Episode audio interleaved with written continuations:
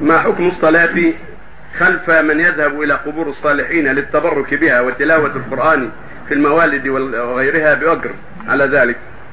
هذا في التفصيل كان مجرد كان الموالد من شرك. هذا مبتدع ينبغي ان يكون امام طيب. صلاة صحيحة أما إذا كان يدعو الأموات يستغيث بالأموات يدعوهم يا رسول الله يا فلان يا سيدي البدوي يا سيدي حسين يا فلان المدد المدد يا سيدي عبد القادر. هذا شيء مشرك. ما يصلى خلفه نسأل الله العافية اللهم آمين أما إذا كان بدعة من يحضر المولد ولكن ما ما يأتي بالشرك أو طيب. يقرأ القران عند القبور ولا يأتي بشرك هذا يكون عنده بدعة يعلم يوجه أيوة. صلاة صحيحه